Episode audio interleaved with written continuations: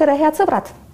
täna saame rääkida prominentse idavirulasega Hendrik Aguriga, kes on Kohtla-Järve gümnaasiumi direktor ning kõige õigem mees selgitama seda, mis haridussüsteemis toimub ja kuidas kohanevad idavirulased ränkade koroonapiirangutega. Hendrik Agur, tere tulemast! tere! ma saan aru, teil on koolimaja tühi sellest nädalast, jah? koolimajas on ainult õpetajad ja õpetajatele väga meeldib äh, koolimajast anda distantsõppetunde nii et äh, ja mõned üksikud õpilased ka noh, sest sellest nädalast alates võivad käia üks-ühele individuaal äh, järeleaitamises nii-öelda. aga põhimõtteliselt on koolimaa kinni, jah eelmisel sega-, nädalal toimus suurejooneline segadus, mille valitsus korraldas ja kui ma oleksin ise algklasside lapsevanem, ilmselt oleksin minagi juukseid kitkunud viimseni võib-olla peast välja. kuidas teie hindate seda kommunikatsiooni, mis, mille kaudu tehti avalikkusele teatavaks, et koolid suletakse? no olen ise lapsevanemana ka äh, kahe lapse isa, keda see puudutas Tallinnas ja täitsa kursis. noh, kommunikatsioon võib öelda tervikpildina on ebaõnnestunud, aga eks tuleb ka inimestest aru saada, kes neid otsuseid tegid või vähemalt püüda aru saada. aga te saate aru, miks oli tingimata koolid tarvis kinni panna, eriti veel siis põhikool? ei saa, see on, ma ütlen küll tõesti ebaõnnestumine. et äh, ma saan sellest põhimõttest aru ja selgitustest, verbaalselt saan aru, sisuliselt ei saa aru aga kas te sellest saite aru, kas meil nüüd on ikkagi vaheaeg või ei ole vaheaeg? no see viga parandati ju kohe ära tegelikult, et äh, võib-olla ka äh, meie tubli uus äh, minister võib-olla ajas ka termineid segamini alguses, et või õieti ma ei mäletagi, kuskohast see vaheaja, vaheaja väljaütlemine tuli, et meil on ikkagi kindel arv õppepäevi õppeaastas ja neid meelevaldselt vähendada ei saa see, see, see viga parandati ju kohe ära tegelikult, nii et äh, kui alguses keegi ütleski, et vaheaeg, siis äh, ei ole ju see, nii et siis sisustatakse see viimane nädal igaüks äh, oma, oma tarkuse järgi. aga Mihhail Kõlvart, Tallinna linnapea, kes muide on ju ühest parteist peaministriga, ütles, et tema lubab ikkagi õpilastel kooli tulla, mille eest arvatavasti paljud lapsevanemad olid talle tänulikud. seda oleks võinud aga tõlgendada ka nii, et Tallinna linnapea eirab peaministri korraldust, valitsuse korraldust kas teil ei tulnud mõte, et ah, et kui siin Kõlvart võib, ma jätan ka kooli lahti ja lasen lapsi tulla? no see on kaalukategooriate vahe, et kui ma seda oleks teinud, siis äh, küllap ma oleks saanud äh, vastu näppe kohe äh, nii koolipidajalt kui, kui avalikkuselt, et ma arvan, et see on ehtne selline väike võimumäng ja, ja nii-öelda hammaste näitamine selle kehva kommunikatsiooni peale. kumb siit võtab plusspunktid, Kõlvart või Ratas? no mina, ma arvan, et kui te nii küsite, siis äh, võtab Tallinna linnapea siit plusspunktid, kui tõesti, tõesti nii küsida. aga mida ma üldiselt pooldan, äh, oleks ikkagi see, et äh, jah, jällegi tuleb aru saada ja me peame kõik kohanemisvõimelised olema, aga koolidele otsustusvabaduse jätmine oleks olnud mõistlikum, et iga kool näeb ise situatsiooni oma koolis, paljud on nakatunud, lähikontaktsed ja nii edasi. ja minu meelest see koolikorraldus päris hästi ka sujus, välja arvatud need ülereageerimised, mis mis sügise alguses tehti, aga see, et koole on usaldatud, ma, ma arvan, et see on õige, sellega oleks võinud jätkata. Teie olete tegelikult ju novembri lõpus pöördunud ka personaalselt peaministri poole kirjaga, et äh, väitsite, et vene gümnasistidele distantsõpe ei sobi ehk tegelikult te küsisite erandit juba varem enne viimaseid piiranguid. mida peaminister teile tol korral vastas? Noh, tegelikult vastas meie armas äh, osakonna juhataja, äh, sest et kõik need riigi, riigile suunatud kirjad tegelikult äh, koostab koolipidaja, meie koolipidaja ehk Haridus-Teadusministeerium ise. ja noh, vast-, vastus oli küllaltki ametlik, et viidati sellele olukorrale ja nii edasi, nii et otse, otse ma peaministrilt vastust tegelikult ei saanudki. aga jah, see ma arvan, et see ülereageerimine oli ikkagi väga mastaapne ja noh, ka praegu seesama ju on ju toodud neid äh, arve välja, kuidas Kesk-Eestis ja Lääne-Eestis ja näiteks Pärnus on nakatunuid väga vähe, aga siis nüüd, nüüd justkui kõik peavad noh, kannatama kõigi teiste pärast, kus on need nakatumisnäitajad suuremad. et ma arvan, et see on ebaproportsionaalne. kuidas te suhtute vastandusse, et kirikud on lahti, aga koolid kinni, see vastandus leidis väga tugevat võimendamist mitte ainult isegi Eesti, vaid ka välismeedias no nagu ma aru sain, siis see oli ka peaministri selge eelistus, et, et tulla selles osas vastu, vastu kirikutele ja, ja vaimuvalguse jagajatele.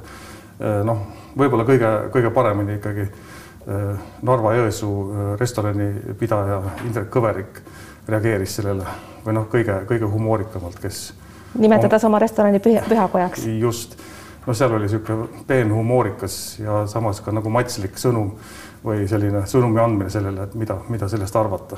no aga kas koole ei saaks pühakodadeks nimetada? noh, koolid tegelikult oma olemuselt ongi pühakojad. aga te selle peale ei läinud. Ehm, teil on olnud etteheited ka Terviseametile.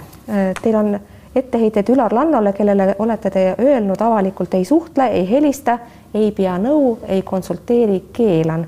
kas te oleksite nõus meenutama, missugusel ajendil on säärane pöördumine tehtud ja missugused etteheited teil täpselt Ülar Lannal on? no jällegi tuleb ka temast aru saada, et tööd on palju, aga samas inimlikku kontakti ja suhtlust ei tohiks ka unustada ka kõrge riigiametnik.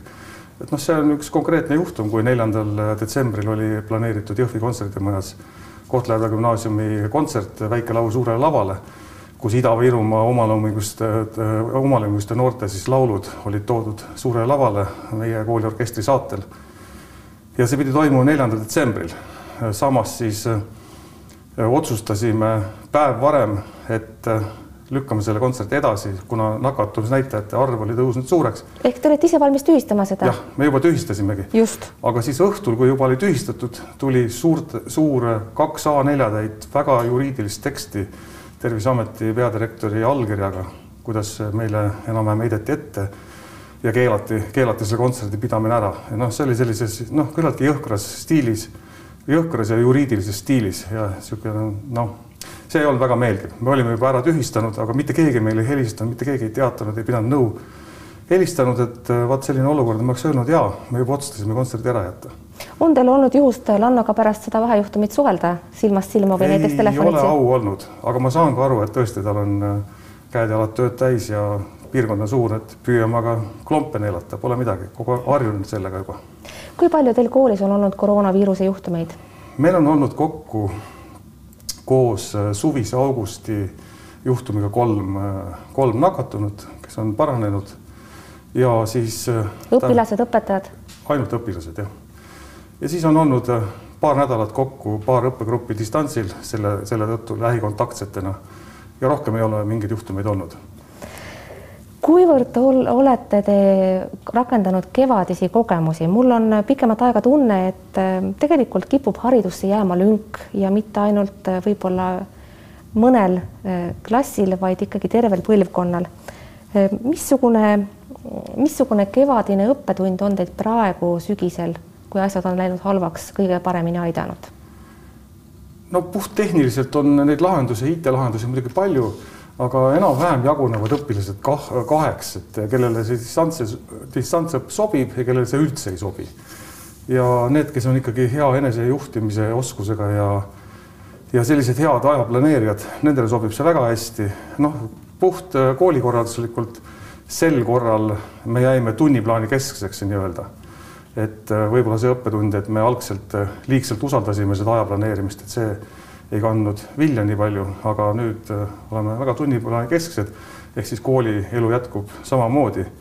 aga mis on meie eripära, on see, et meil on kolm neljandikku vene emakeelega õpilasi, aga kool on täis eestikeelsel õppel aga teil oli ju kohustus üheteistkümnendatele, kaheteistkümnendatele klassidele tagada ka venekeelne õpe nendele, kes tulid mujalt gümnaasiumitest. väga hea tähelepanek ja just õige, nüüd ongi jäänud siis G3 ehk kaheteistkümnes klass, nii et see viimane on veel, kes siis kuuskümmend, nelikümmend, noh, praktiliselt tal on jäänud ainult füüsika ja matemaatika vene keeles, ülejäänud ikkagi eesti keeles. ja need õpilased, kes on enne õppinud äh, vene õppekeelega koolides, nendel on raske äh, jääda täiesti ilma sellise äh, noh, kontaktse õppeta eriti kui nad ei ole veel noh, õpiharjumused ei ole nii head, siis see on isegi osaliselt laastav mõju on see distantsõpe. no see mõju on olnud erakordselt laastav, te olete ju kaotanud aastaga pooled õpilased. kas teile võib-olla Haridusministeerium otsa ei vaata ja öelda, et agur, mis lahti, võib-olla te ei sobi üldse kooli juhtima? eks seda näpuviibutamist olnud, aga noh, me oleme Ida-Virumaal eriolukorras sellises keskkonnas, kus on palju vene õppekeelega, vene emakeelega inimesi ja teha eestikeelset kooli, see ongi paras väljakutse. aga noh, uueks aastaks ja ma arvan, et muutume me ikkagi ka tõmbekeskuseks äh, üle Eesti, et, et niivõrd äh, ägedad äh, moodulid, niivõrd motiveeritud, toredad õpetajad, kes meil on, et et see on selline evolutsiooniline protsess, mida me praegu läbi elame, et üks osa inimestest, kes ei harjunud uue koolikorraldusega, uue, uue koolikultuuriga, nad lihtsalt valisid lihtsama vastupanu tee, ehk siis noh, põhiliselt jutt on ju venekeelsest, vene emakeelega õpilastest, kes valisid vene emakeelega või vene õppekeelega kooli, mis asub meil kõige lähemal Sillamäel. arusaadav, te olete õpetajate valikul tõepoolest väga pingutanud, aga näiteks Ainar Ruussaart ei õnnestunud teil kin-, tal teil kinni hoida. niipea kui tal tekkis võimalus ajakirjandusse naasta, siis ta seda ka tegi, sai Kuku raadio peatoimetajaks. Neeme kuningas on teil siiamaani alles, ma saan aru? me oleme väga õnnelikud Neeme kuninga üle, väga uhked ikkagi tippklassi lavastaja ja praegu veab meil etenduskunstide õppemoodulit, õpet-, õpilased väga armastavad ja peavad lugu temast. aga kuidas on lugu Hannes Võrnoga, kes viimati jagas sotsiaalmeedias valeinfot, ma loodan, te kutsusite ta vähemalt vestlusele? ei, ma ei kutsunud vestlusele. meil oli sellest äh, põgusalt juttu, aga see, et äh, sõna on vaba, kehtib ka õpetajate kohta ja kui ta tegi ajakirjandusliku eksperimendi oma, oma väljaütlemistega. no seda ta ütles pärast, aga kas see ikka päriselt oli nii? no see oli tema valik ja, ja minu jaoks oli need põhjendused ammendavad ja ja kõige vähem, mis ma, mis ma soovin teha, on äh, sekkuda õpetajate loomevabadusse. arusaadav, aga ikkagi paljud teie õppe, õpetajatest, ligemale pooled minu andmetel on pedagoogilise hariduseta. kuidas see mõjutab äh, õppetegevuse kvaliteeti? no kindlasti ta mõjutab, äh, päris nüüd ligi pooled ei ole, et enamus nendest on äh, seda haridust omandamas, et see on täiesti tavaline praktika, kui võtta ükskõik milline Eesti kool ja kus on palju noori õpetajaid, siis ähm, paljudel ongi magistriõpingud pooleli. et see on täiesti, täiesti lubatud, aga õppe kvaliteeti, seda me saame mõõta ikkagi tulemustes. praegu meie piirkonnas ka riigieksami tulemustelt noore koolina esimest aastat, äh, üks, äh, üks aasta ainult tegutsetuna olime riigieksamite tulemuste poolest number üks, kui üks aasta oleme tegu, tegutsenud. noh, loomulikult kõiki loorbereid endale ei ole plaanis selle, selle tulemuse pealt äh, haarata, sellepärast et, äh, et see on ikkagi eelnevate koolide töö ka suures osas ja sellest tulebki äh, kiita neid räägime mõne sõnaga teie suhetest poliitikaga. kui te Isamaast lahkusite, siis arvati, et lähete Keskerakonda, aga teie astusite hoopis Eesti kahesajasse. otsustasite sellega liituda, kellega flirt jäi kah väga lühikeseks kuidas selline, selline liikumine maailmavaateliselt põhjendatud on? no see oli kaks tuhat kaheksateist sügis üks selline küllaltki huvitav ja kiire etapp, kui toonane kantsler Tea Varrak eh, minuga praktiliselt terve suve, suve läbirääkimisi pidas, et et tulla Haridus- ja Teadusministeeriumisse hoopis tööle ja, ja ma leidsin, et toonases eh, minu juhitud koolis Gustav Adolfi gümnaasiumis ka lihtsalt äh, minu aeg hakkas ümber saama, et ma tundsin, et on vaja uut energiat koolile. ja siis te mõtlesite vahepeal, et lähete poliitikasse, et ka sattusite hoopis ministeeriumisse?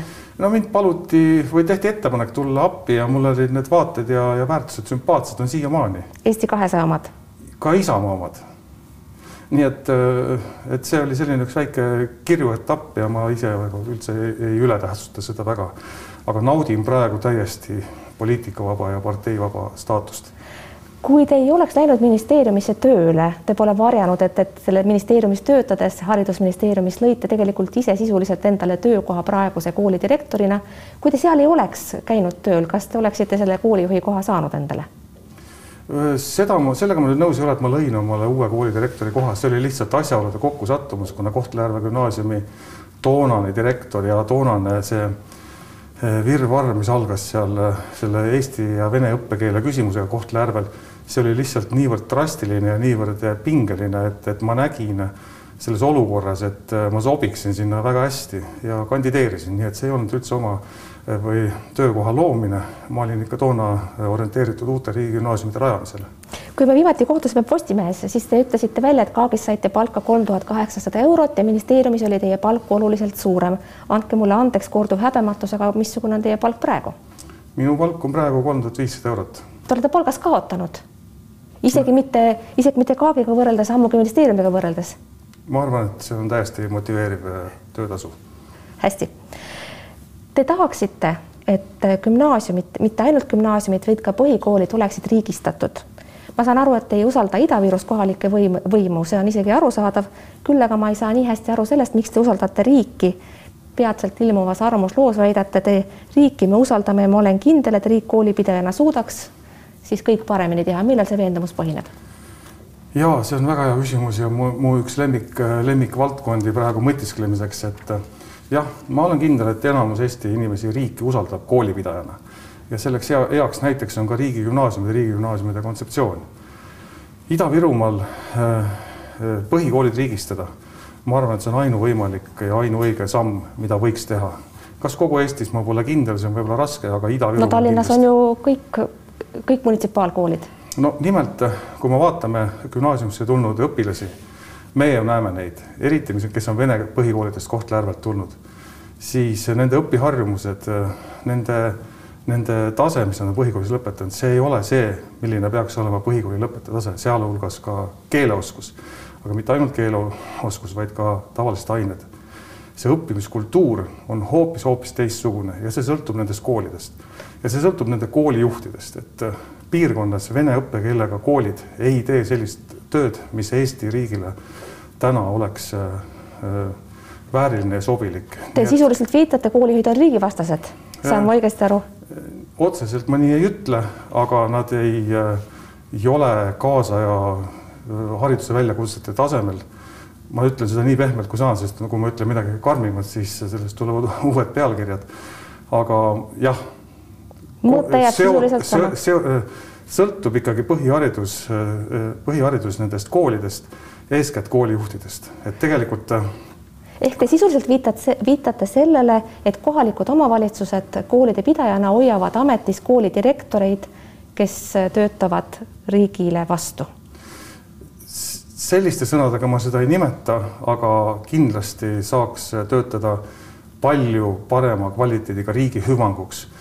Ja, ja neid koolijuhte ju määrab ainult kohalik omavalitsus, kelle valivad jällegi needsamad inimesed, kelle lapsed õpivad nendes samades koolides.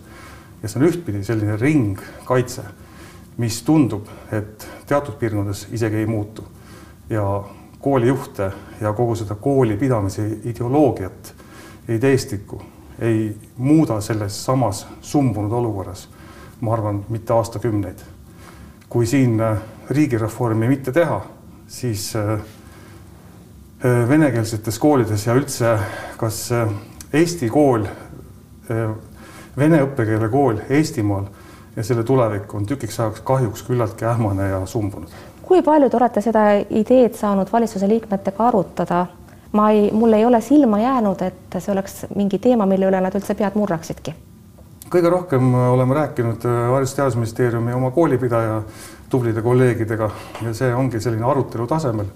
samas olen ka mitmete Riigikogu liikmetega rääkinud ja see teema, noh, mina olen koolidirektor, et mul, ma ei ole poliitik, aga nähes koha peal nii-öelda sõna otseses mõttes põllul kündes ma näen seda olukorda ja nii palju, kui see minu võimuses ka praegu, et ma siin teie avalikus saates seda ütlen, ma arvan, et kivi kivi peale ja ükskord see tuleb. Aga millel põhineb ikkagi teie veendumus, et äh, valitsus teeks väga palju paremini? valitsusel on ju tegelikult kohaliku omavalitsusega selles mõttes võrreldavad mured, et nemadki ei soovi, soovi Ida-Virumaal hääli kaotada. kui nad hakkaksid seal koolijuhte lahti laskma, kõike ümber tegema, hääled lendaksid vastu taevast. on nad üldse valmis midagi säärast kaaluma? nii see on ja see ongi väga kurb. see on äh, lõputu ring, kui see nii peaks jätkuma, et siin, siinkohal ma näen, et, äh, et pigem Ida-Virumaa probleemides, mis puudutab haridust, kui otseselt ei ole mingit räiget rikkumist, siis on mugavam sellega mitte tegeleda ja kabineti vaikusest Tallinnast ja Tartust vaadates äh, tundub justkui kõik väga rahulik olema. ja kui nüüd minna sinna torkima, kellel seda vaja on? noh, riigigümnaasiumi rajamise Kohtla-Järve nägime kui tundlikud on need teemad, kui on küsimus äh, kohapealses hariduses, kui on kohapealses õppekeeles. Äh, sest äh, ei ole ka mina see, kes ütleb, et, et peab ainult eestikeelne olema, et tuleb austada kohapealset vene inimest ja nende mentaalsust ja kindlasti ma pean õigeks, et, et ka meie koolis ju praegu vene inimestele me õpetame vene keelt ja kirjandust vene keeles. ja soovitatavalt vene keelekandja ehk vene, venelase õpetaja kaudu. no mis on ka igapidi mõistlik, muidu nad kaotaksid sideme oma emakeelega ja ei suudaks lugeda vene kirjandust vene keeles. Tahaksin lõpetuseks, meil on jäänud umbes viis minutit, rääkida ka olukorrast Ida-Virumaal laiemalt, sest mulle tundub, et tallinlased vähemasti selle peale suurt ei mõtle. samas on Ida-Virumaad tabanud värsked koroonapiirangud kõige rangemad. kõigepealt, kas teie hinnangul on säärased ranged piirangud nagu vidu Ida, Ida-Virumaal praegu kehtima hakkavad just tänasest õigustatud, motiveeritud? jällegi tuleb austada noh, valitsuse otsuseid, mis tuginevad jälle ekspertide arvamusele. Lihtsalt lahmida, et see on üle pingutatud, mina seda riski ei võta. ja ma arvan, et teatud määral need on ikkagi õigustatud ja tuleb olla meil kõigil kohanemisvõimelised. samas äh, on mul inimlikult ülimalt kahju ettevõtjatest, kes on tõesti tublid, pingutavad. tean mitmeid äh, hotelliärimehi, transpordiettevõtjaid ja, ja restoranipidajaid, kes äh, praegu tõsiselt kannatavad ja noh, need riigimeetmed, mida siis ka praegu küsitakse, on täiesti möödapääsmatud. ettevõtjad oodavad tuge, aga kui vaadata näiteks seda, mismoodi on abi küsinud turismisektori ettevõtjad üle riigi, siis valitsus on neile sisuliselt öelnud, vaadake ise, kuidas saate. mis te arvate, kas Ida-Viru ettevõtjate suhtes jagub valitsusel rohkem mõistmist? väga tahaks loota ja, ja me ju näeme ka, ka meie lapsevanemad sõna otseses mõttes, me näeme oma, oma õpilaste pealt kõik on kõigiga seotud, kes on siis kas tõesti turismis, kaubanduses või, või hariduses, kusjuures hariduses on praegu selles mõttes kõige parem seis, et kui haridus on riigi pidada, siis on see kõige viimane, eks ole, mis peaks langema. aga teie elate seal kohapeal, kui, kuidas need piirangud, ranged piirangud vastu võeti ja kuivõrd neid järgitakse? Ma arvan, et eh, noh, praegune pilt, ega ma ei, ei ole ka ju ekspert äh, nii-öelda süviti lihtsalt tavalise kodaniku pilguga, vaadates ringi, vaadates poodides äh,. noh, näiteks meie kooli kõrval on Maxim, niisugune pisike Maxim, mis asub seal paneelmajade vahel, et seal ma märkasin küll, et see inforuumi nii-öelda see on teatud viivis, mis jõuab nagu selliste vanemate kohalike inimesteni, aga isegi praegu ei ole mingit probleemi, rääkides maskide kandmisest on ikkagi kõik, kõik teadlikud, et äh, ma arvan, et inimesteni on see info jõudnud, kuigi just ühe Sillamäe inimesega rääkisin, et et äh, need kultuuriruumid ja inforuumid on ikka väga erinevad, et kui kui ikka Sillamäel öeldi, voh, ootame Vene vaktsiini, et ju siis need Vene kanaleid vaadates on nemad ikkagi ühes inforuumis, aga seda, et kaitsta ja kõik, milleks seda teha, ma arvan, sellest on inimesed aru saanud. aga Kohtla-Järve linnapea on viidanud, et võiks ikka hakata trahvima, meetmeid järgitakse halvasti. Teie pilt ütleb midagi muud no jäägu see tema arvamuseks ja eks, eks linnapea ja linnavalitsuse liikmed on ka mures ja tuleb, tuleb ka sellest aru saada. ta on lubanud ka, et linn hakkab maske jagama omalt poolt vähem kindlustatud inimestele. on teile teada või olete te märganud, kas seda on tehtud? vot ma pean ütlema, et ma ei ole väga palju selline kaubanduskeskuste külastaja, et liigun suhteliselt autonoomselt oma autoga, vaatan sellist üldist pilti, et ma tean, et üks tore üleskutse tehti, aga oma poolt äh, ma koolis tegin üleskutse, et et vabatahtlikke kutsuda maski jagama, et kui me oleme nüüd selleks kampaaniaks valmis ja meil on need vabatahtlikud olemas. arusaadav. Ida-Virumaa olukord on praegu Eestis vaieldamatult kõige keerulisem. piirangud on rasked kanda, sotsiaalmõju, majanduslikud mõjud on, on samuti kurnavad. vägisi tikub pähe mõte, kas lõpuks inimesed ei või hakata mässama, nad jäävad paljust ilma, töökohad kaovad see on ju valus. kas mässu võimalus on õhus? mina ei usu seda, ma arvan, et äh, see praegune aasta, mis hakkab täis saama seda, seda erilist aastat, et on, inimesed on muutunud kohanemisvõimelisemaks ja see ongi see märksõna, mida, milleks inimesed peavad äh, praegu valmis olema. ikkagi lähenevad jõulud, kuivõrd sellepärast ollakse mures, et lähedaste külastamise võimalused on ahendatud. vaatasin äh, Kohtla-Järve hooldekodus näiteks läheneb nakatunute arv juba sajale keeruline olukord on Kuremäe kloostris, kus nakatunuid on umbes viiendik. no jällegi, eks see on, äh, ma arvan ka, et äh, üks on selline see kogu see taustainfo ja, ja inimeste enda äh, tundlikkus, et paljuski mitte see, et ma eitaksin seda viiruse leviku tõsidust, vaid palju tekitakse paanikat ja, ja kõige suurem vaenlane ongi meil tegelikult hirm ja ma arvan, ka inimesed hoiavad sellist positiivset meelt ja liiguvad palju värskes õhus. ja, ja tõesti nagu, nagu on öeldud, needsamad, et vältida kontakte, et siis läheb kõik hästi. et ma arvan, et see, et pool nendest muredest, mida ka praegu räägitakse, et oi, meil on raske, oi, meil on suur äng, et see on ikkagi ka selline, selline paanikalaine, mis on läinud vohama. jah, tõesti on raske, kui inimene kaotab töö vot seda on tõesti raske ette kujutada, kui sul endal on töö olemas, sissetulek olemas ja siis, kui kõrval on inimene, kes on kaotanud töö. see on see raske koht, tõsi. aga paanikat ja liigset hirmu ei oleks mõtet tekitada. selle sõnumiga, Hendrik Agur, peame lõpetama suur,. suur-suur tänu teile, et tulite stuudiote. head sõbrad, aitäh, et vaatasite. elage hästi, olge terved, vaadake järgmine kord jälle, nägemiseni